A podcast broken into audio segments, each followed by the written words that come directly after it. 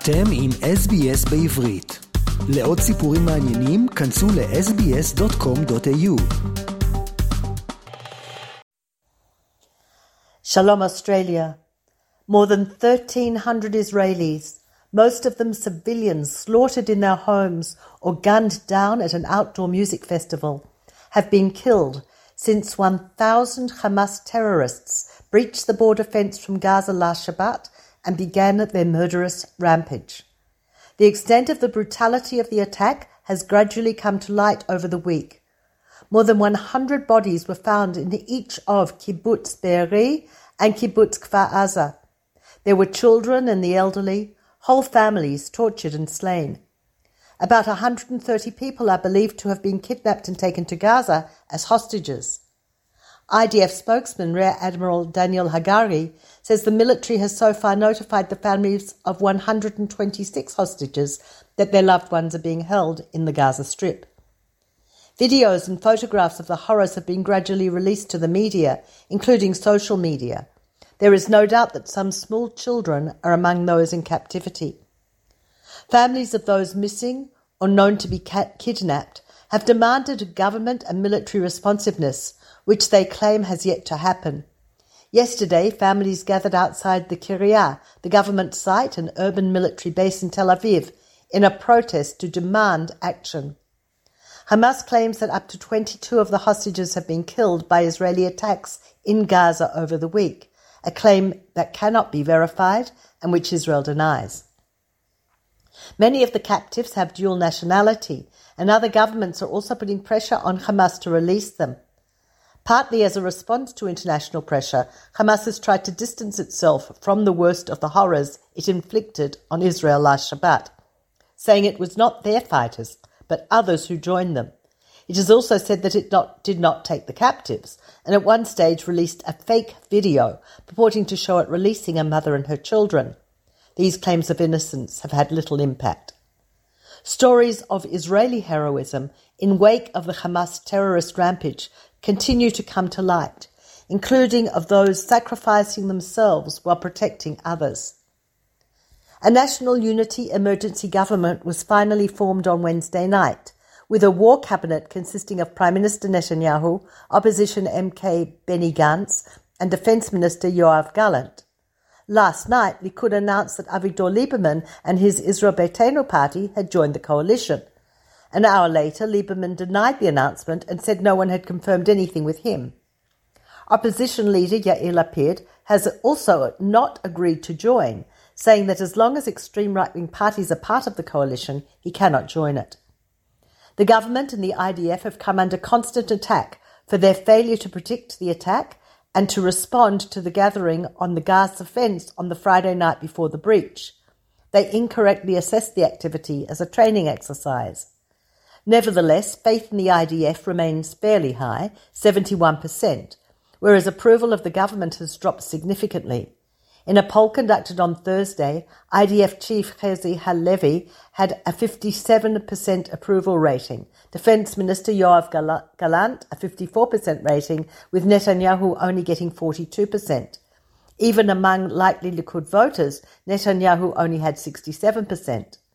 For Prime Minister, 48% want the former Defence Minister, Benny Gantz, who joined the coalition, compared to 29% for the current Prime Minister.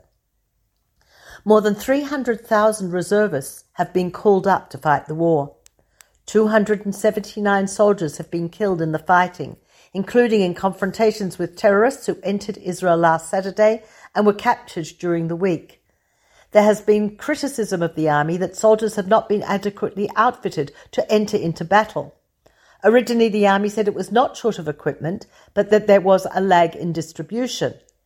Yesterday, they announced that they were releasing to soldiers donations, including more than 500, uh, sorry, including more than 50,000 ceramic vests, 20,000 helmets, and tens of thousands of other items used for personal protection, like knee pads and goggles. The names of soldiers killed have been released daily after their families have been notified. Not so with civilians, particularly children. There are no DNA records for most of them, and there is a tremendous backlog in identification, meaning families continue not to know the fate of their loved ones. Israel continues to suffer daily barrages of rocket attacks across the country. Citizens from north to south have been forced into shelters. The worst hit are the southern cities and settlements. Ashkelon has suffered terrible damage. The city has been lobbying for years to have shelters built without a response from the government. Although, quite miraculously, lives have not been lost by direct rocket hits, the damage is terrible. Viewers watched live on television as rescuers tried to evacuate people from a dangerously damaged building and were forced to take shelter from more incoming rockets. It was announced last night that the town of Sderot, already partially evacuated by citizens moving of their own accord, will be officially evacuated tomorrow. This comes as a result of a plea by the mayor of the city on Friday saying that it was not a safe place. Yesterday, rockets from Gaza hit a yeshiva and a school. The evacuees from Sderot will join thousands of others already displaced by this war. The survivors from the kibbutzim that were attacked last Shabbat have been evacuated to safety in hotels further north, including some in Jerusalem. In the north, too, the long-standing evacuation plan has been activated due to fears that Hezbollah will join the battle. So far, there has been a small infiltration from the north, and three terrorists were killed, and some mortars fired into Israel. Until today, they had come from Hamas bases in Lebanon rather than from Hezbollah.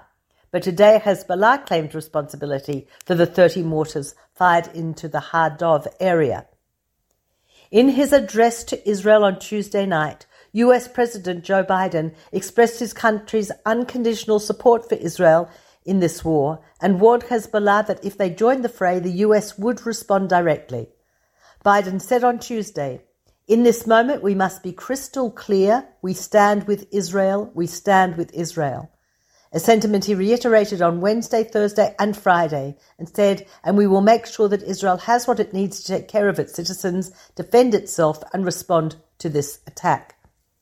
President Biden's Tuesday speech is widely celebrated as the strongest statement of support for Israel that has ever come from an American leader.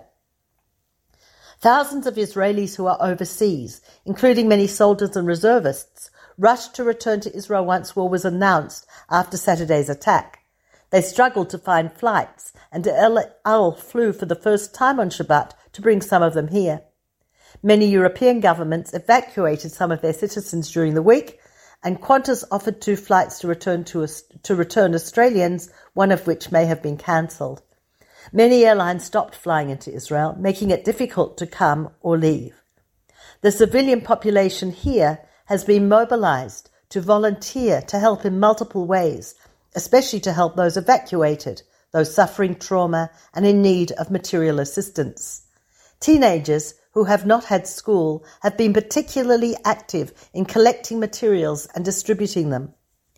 Israel's school system is set to begin distance learning today, similar to what took place during the COVID lockdowns.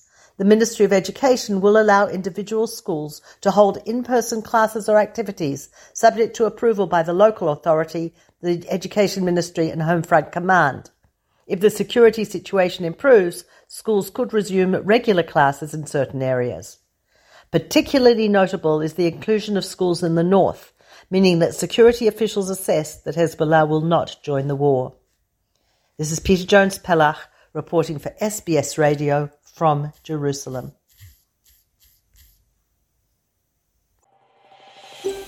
רוצים לשמוע עוד סיפורים?